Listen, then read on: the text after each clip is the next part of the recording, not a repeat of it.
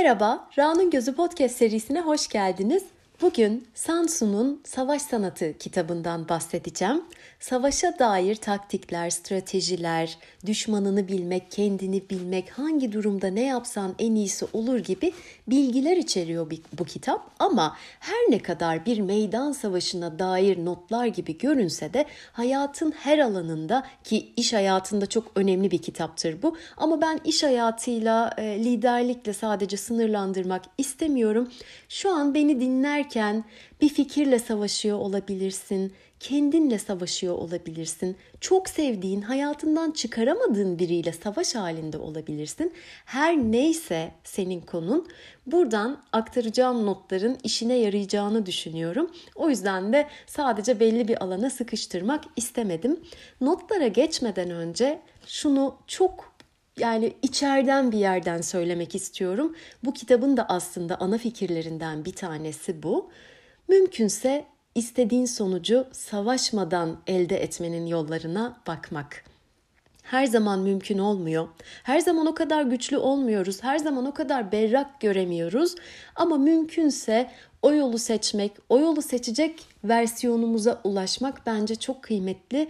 Çok hoşlandığım bir şey değil herhangi bir şeyle savaşmak. Yani bunu başka bölümlerde de söylemişimdir bir hastalıkla savaşmak, bir şeyle savaşmak. Ya ben daha çok Elimde ne var, karşımda ne var, yanımda ne var, onunla birlikte nasıl bir yol alabilirim kafasındayım. Ama yani sonuçta Sansu tamamen savaş üzerine stratejilerini, taktiklerini yazdığı için bu kitaptan tamamen savaş konsepti üzerine bahsediyor gibi görüneceğim. Şimdi notlarıma başlıyorum. Denir ki yöneticilerden hangisi doğru yoldadır? Komutanlardan hangisi yetenek sahibidir? Gök ve yerden kim avantaj sağlıyor? Kuralları ve emirleri kim uyguluyor? Kimin askerleri daha güçlü? Kimin subay ve erleri daha talimli? Kimde cezalandırma ve ödüllendirme belli? Ben bunlara göre kimin kazanacağını, kimin kaybedeceğini bilebilirim demiş. Ve ardından bir yerde hiç hesapsız iş olur mu diye bir çıkışı var Sansu'nun. Burada neyi görüyoruz? analiz etmemiz önemli. Önce belki kendimizi, çevremizi, sonra da savaşmak zorunda olduğumuz bir karşı taraf varsa onu da analiz etmemiz gerekiyor. Aslında bu kitaba genel olarak bir proje planı nasıl yapılır, nasıl çıkarılır gözüyle de bakılabilir. Savaş kandırmacalı bir iştir. Bu nedenle vurabilecekken vuramayacakmış gibi göstermek, saldıracakken saldırmayacakmış gibi göstermek, yaklaşırken uzaklaşıyormuş gibi göstermek, uzaklaşırken yaklaşıyormuş gibi göstermek gerekir. Yemle ve kandır, kargaşa çıkart ve ele geçir. Dirençli ise ona göre hazırlan. Güçlü ise ondan sakın. Sinirli ise onu kızdır. Tevazu göster ki gerçek sanıp mağrurlaşsın. Dinleniyorsa rahatsız et. Aralarında birlik varsa ayır ona hazırlanma fırsatı vermeden saldır. Beklemediği anda ortaya çık. Bunlar savaş erbabının başarı sırlarıdır. Önceden kestirilemez. Evet benim için zor bir bölüm. Yani okudukça şu soru işaretleri içimden yükseldi. Hürremcim sen misin? Sansu Hürremmiş mesela.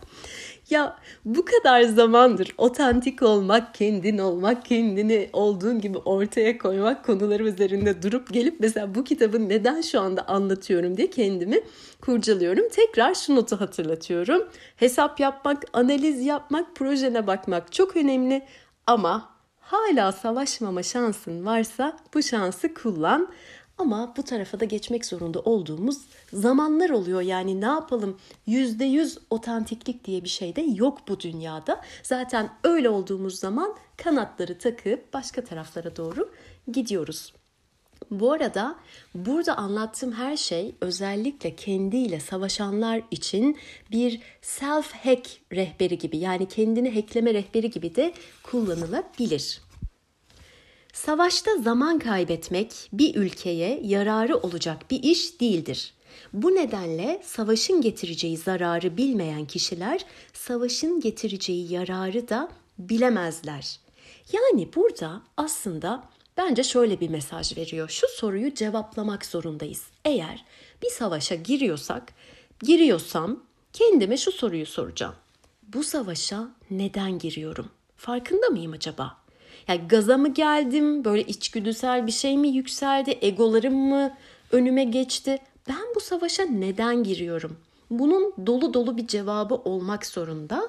E tabi burada söylediği zaman yönetimi de çok önemli. Ne kaybedeceğim, ne kazanacağım, neyi hedefliyorum, hangi kaynakları kullanıyorum?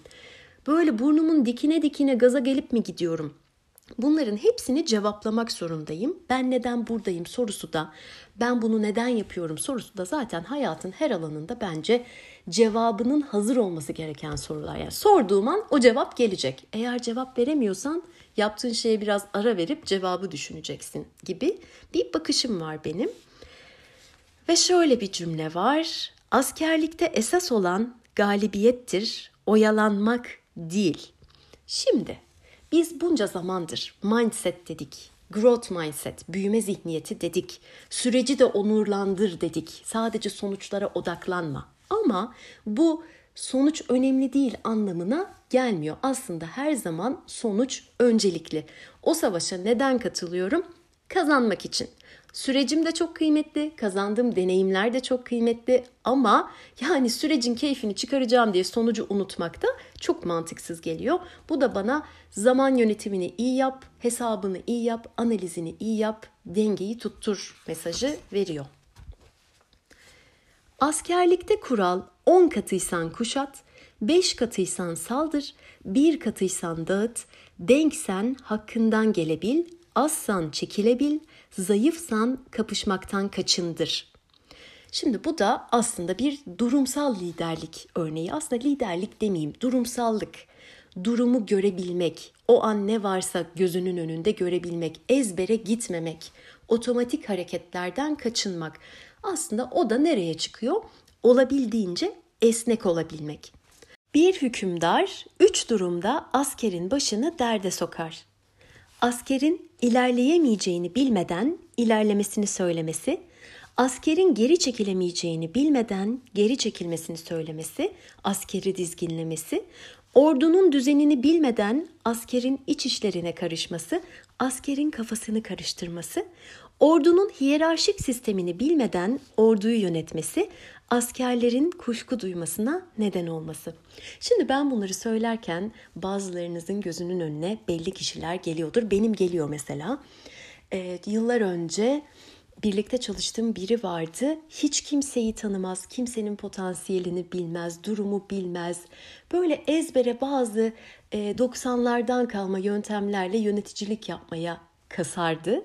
E, tam olarak onu anlatmış burada. Yani kim ne yapabilir, İçeride hangi kaynakların var? Peki şu an hangi durumdalar? Normalde potansiyeli çok iyi olabilir. Peki bugün nasıl? Bu hafta nasıl? Bu dönem nasıl o kişi? Yani o kişiye gereksiz saçma sapan iddialı hedefler vermek, e, kotalar koymak ya da mesela potansiyelinin çok altında bir şeyler yapmak, bir şey yapmaya hevesi varken onu geri çekmek gibi gibi stratejik hatalar hayatımızın her alanında karşımıza çıkabiliyor. Şu beş noktaya bakıldığında kazanç önceden görülebilir. Savaşabileceğini ya da savaşamayacağını bilen kazanır. Sayısal farkı değerlendiren kazanır. Astı üstü tek yürek olan kazanır. Hazırlıklı olup hazırlıksız olanı bekleyen kazanır. Yetenekli komutanına hükümdarı karışmayan kazanır. İşte bu beş nokta kimin kazanacağını öğrenme yoludur.'' Bu nedenle karşısındakini ve kendini bilen hiçbir savaşta tehlikeye düşmez. Karşısındakini bilmeyen, sadece kendini bilen bir kazanır, bir kaybeder. Karşısındakini de kendini de bilmeyen her savaşta mutlaka tehlikeye düşer denir. Yüz savaşta yüz zafer kazanmak en mükemmeli değildir. En iyisi savaşmadan baş eğdirmektir.'' Biz ona baş eğdirmek demeyelim de orta yolu bulmak, anlaşmak, kazan kazan anlaşması yapmak, hatta bunu işbirliğine doğru taşımak diyebiliriz. Baş eğdirmek birazcık yani sevdiğim bir konsept değil, gerek de yok. İyi savaşanlar duruma bakarlar. Kişilere gelişi güzel sorumluluk yüklemezler.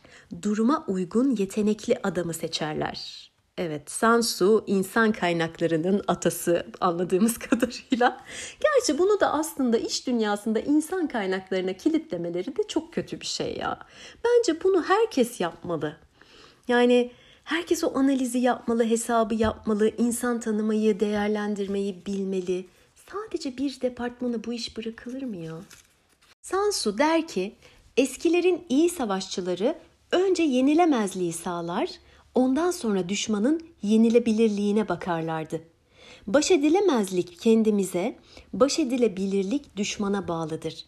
Bu nedenle iyi bir savaşçı yenilgiye uğratılamayacağı koşulları yaratabilir ama düşmanı yenilgiye uğratabilecek koşulları yaratamaz. Onun için zafer önceden görülebilir ama yaratılamaz denir. Yenemeyen savunur, yenecek olan hücum eder. Yetersizsen savun, fazlan varsa saldır. İyi savunma yapan dokuz yerin altında saklanır. İyi saldırı yapan dokuz göğün üstünde hareket eder. Böylece kendini korurken tam bir zafer kazanabilir. Şimdi burada yine bir sürü konsept bir araya geçmiş durumda. Birincisi şu mesajı alıyorum ben. Kendine dön diyor, kendine bak. Kendi eksiklerini tamamla, analiz et kendini önce. Ondan sonra ne eklemen gerekiyor, ne çıkarman gerekiyor, nasıl yenilemez, baş edilemez olabilirsin. Kendi potansiyelinin en üstüne nasıl çıkabilirsin. Ama buna rağmen, tüm bunları yapmana rağmen düşmanı yeneceksin diye bir garanti yok. Kendinin dışındaki her şeyi de tamamen sen kontrol edemezsin. Bir yere kadar kontrol edebileceğin şeyler var. Bir yerden sonra bırakmak ve kabullenmek zorundasın. Ve sonrasında yine kitabın da ana konularından, mesajlarından biri olan durumsallığa geliyor. Nasıl ki suyun sabit bir şekli yoktur, savaşta da tek bir konuşlanış yoktur. Düşmanın değişen hareketlerine rağmen muzaffer olana akıllı komutan denir. Bu tıpkı beş elementin döngüsü, mevsimlerin değişmesi, günlerin kısalıp uzaması, ayın doğup batması gibidir. Yani duruma göre bakacağız, kararlarımızı durumu değerlendirerek vereceğiz ve elimizden geldiğince esnek olacağız. Hedef koymak çok güzel, bir amacın olması çok güzel, strateji yapmak çok iyi, analizlerini tam yapmak ne kadar güzel. Ama onlara yapışmak, onlara saplanıp kalmak seni durduğun yerde batırabilir. Sabah askerlerin savaşma isteği yüksek, gün ortası biraz daha az olur ve akşam da geri çekilmeye yatkın olurlar.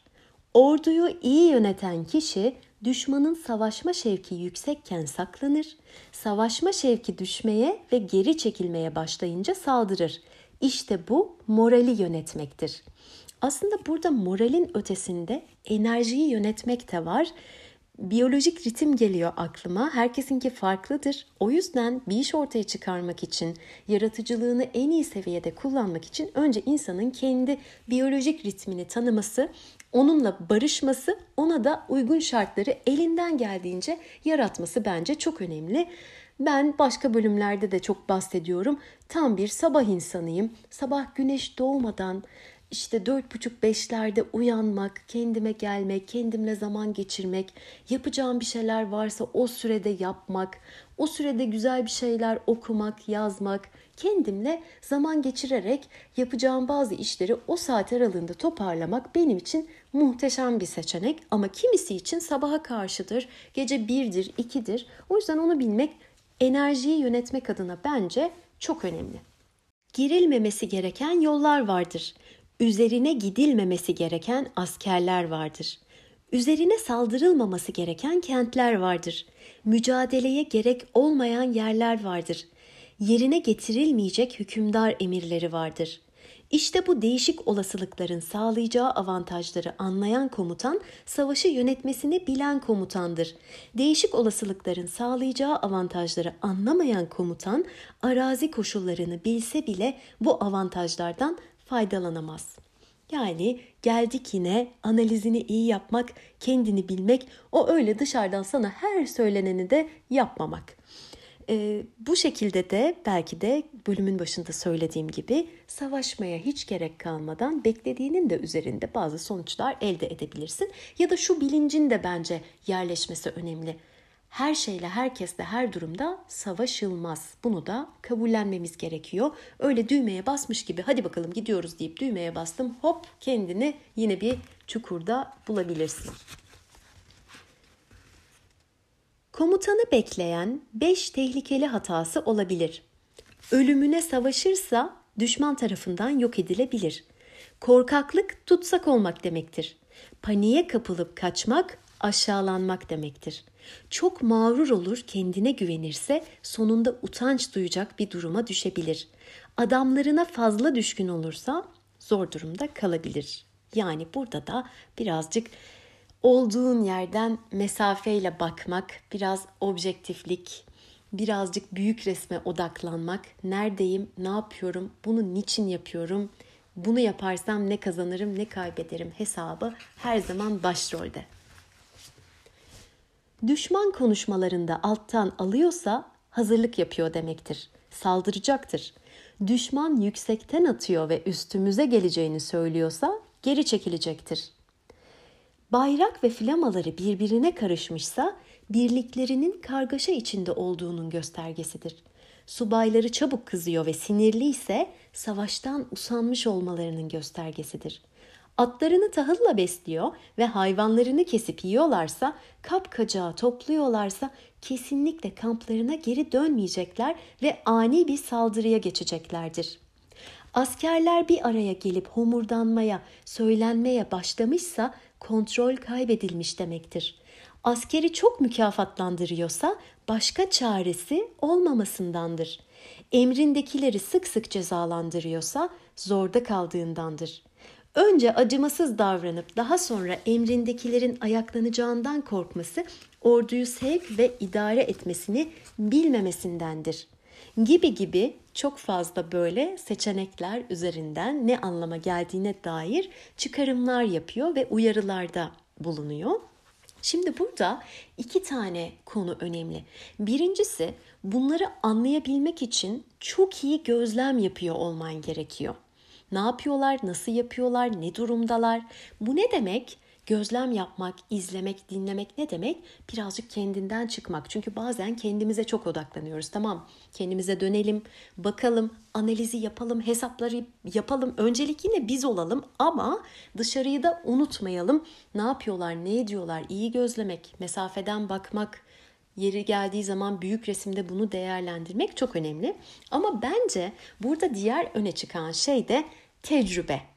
Şimdi bu kitapta bu yazılan şeylerin hepsi tecrübeden geliyor. Yoksa ben mesela işte atlarını kesip yiyorlarsa, kapkacak topluyorlarsa demek ki şöyle olacak şeyini belki de hayatımda ilk defa gözlemlesem bunu çıkaramayabilirim. O yüzden tecrübe çok önemli.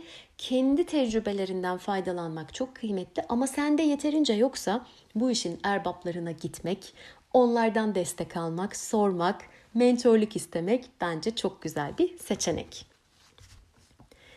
Savaşta kalabalık olmak her zaman üstünlük sağlamaz. Yeter ki gözü kara şekilde düşmanı küçümseme. Kararlılıkla riske girip askerin gücünü bir araya toplayarak ve düşmanın durumunu dikkate alarak düşmana üstünlük sağlanabilir. Burada da o kibir her zaman insana çok zarar veren bir şey.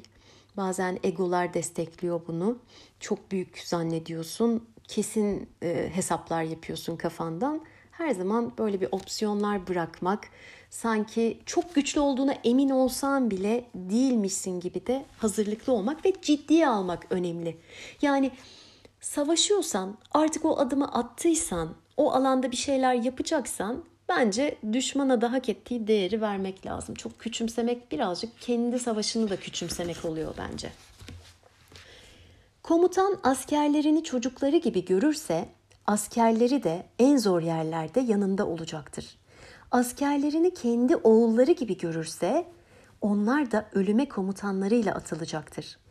Eğer hoşgörülü ama askerlerini kullanamıyorsa, sevgiyle yaklaşıyor ama emirlerini dinletemiyorsa kuralları ihlal ettiklerinde cezalandıramıyorsa bu durumda askerler şımarık çocuklar gibidirler ve savaşta bir işe yaramazlar.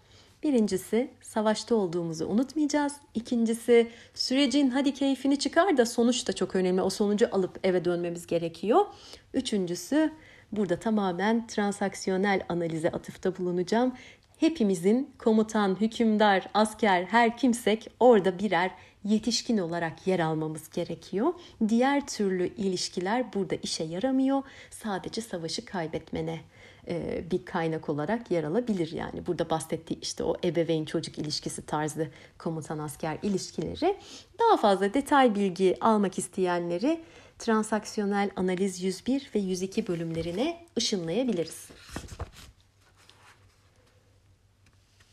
Askerlerini öyle bir yere konuşlandır ki ölüm dışında hiçbir şey onlara geri adım attıramasın.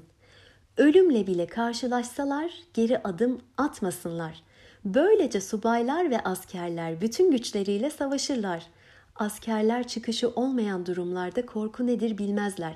Gidecekleri hiçbir yol kalmayınca tek vücut gibi davranırlar. Düşman topraklarında sıkışınca bütün güçleriyle mücadele etmekten başka çareleri yoktur. Şimdi askerleri bu noktaya getirebilmen için onların eline çok büyük bir anlam vermen gerekiyor. Yani anlam varsa ne için yaptıklarına dair büyük bir anlam e, farkındalığı varsa onlarda zaten bu noktada olurlar. Bunun yanı sıra tabii ki motivasyonları, iyi beslenmeleri, işte onlara iyi e, ilişkiler kurman, takdir etmen, ödüllendirmen falan filan okey. Bunların hepsi okey. Ama kaynak anlamda olacak. Anlam bulamadığın her şeyden uzaklaşırsın. Bu son dönemde çok da hoşlanmadığım şu quiet quitting, işte sessiz istifa, makaleler yayınlanıyor, yayınlar yapılıyor falan biraz komiğime de gidiyor. Aynı işte sağlık dünyasında da bir ara yeşil çay mı moda olur, sonra gümüş çilek değil altın çilek e, falan böyle bu tarz böyle modalar olur. O yükselir, herkes ondan bahseder, reklamlar çıkar falan. Aynen şu anda iş hayatı liderlik alanında da sessiz istifa bilmem ne falan ya 150 yıl önce de vardı sessiz istifa. Üstelik sadece iş hayatında yoktu. Yani mesela kendimi biliyorum. Ben e, e sadece kendimde izlediğim bir şey değil, ilişkilerde de sessiz istifa oluyor.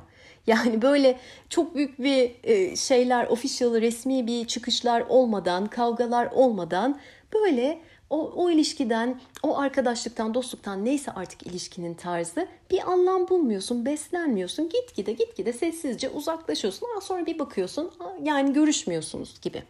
E, işte burada da aynı şey geçerli. Anlam varsa bunlar olmuyor. Anlam olduktan sonra evet üstüne ekleyeceğin işte ödüllendirmeler, takdirler, primler, motivasyonlar falan vardır. Neyse çok uzattım askerlerin bu kadar hedefe kilitlenmelerini istiyorsan çok anlamlı bir şey uğruna savaşmalarını sağlamak zorundasın.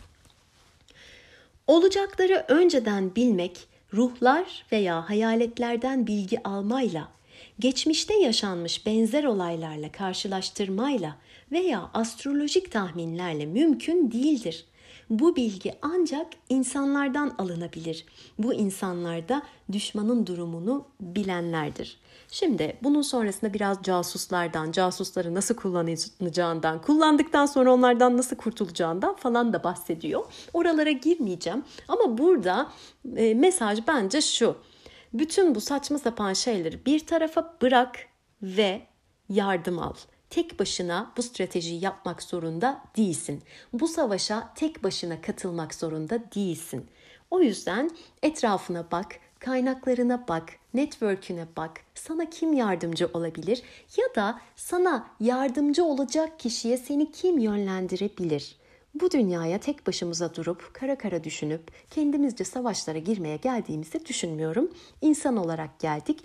Diğer insanlarla ve canlılarla etkileşim halinde olursak, bir arada olursak, işbirlikleri yaparsak çok daha güzel çıkacağımızı düşünüyorum bu insanlık deneyiminden diyerek ve tekrar Sansu'nun da benim de ortak mesajımız olan eğer hala savaşmama şansın varsa, bu meseleyi halletmenin başka bir yolu varsa onu seçmeni dileyerek bu bölümü burada bitiriyorum. Sonraki bölümlerde görüşmek üzere. Hoşçakalın.